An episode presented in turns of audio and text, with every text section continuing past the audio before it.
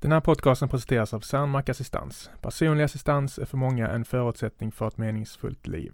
Det handlar om dig som lever med en funktionsvariation och som därför behöver extra stöd för att kunna leva som alla andra.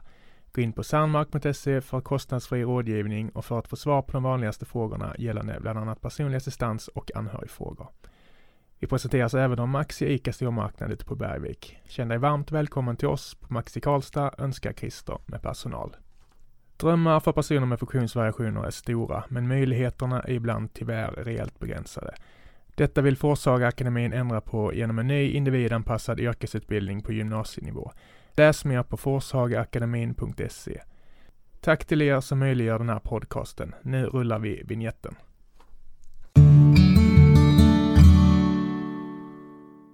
Tisdagsträna med rehabstation. Varje tisdag kan alla som vill träna digitalt och coronasäkert med rehabstation. Detta genom deras tisdagssändningar på Facebook. Vi vänder oss till alla som vill vara med. Rehabstation i Frösundavik bedriver ju främst neurologisk rehabilitering, men det finns också många andra diagnoser, säger Erika Nilsson.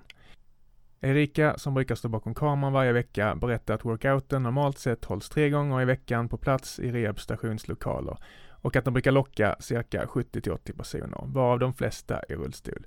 Men när pandemin slog till i våras så fick den justera upplägget.